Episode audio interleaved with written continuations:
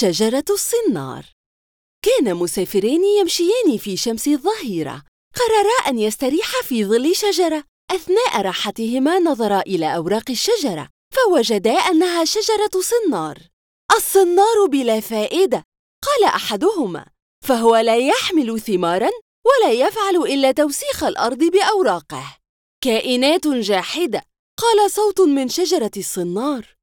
أنتما ترقدان هنا في ظل المنعش ومع ذلك تقولان إنني بلا فائدة لماذا لا يشكر الناس النعم التي لديهم؟ أفضل النعم أقل النعم تقديراً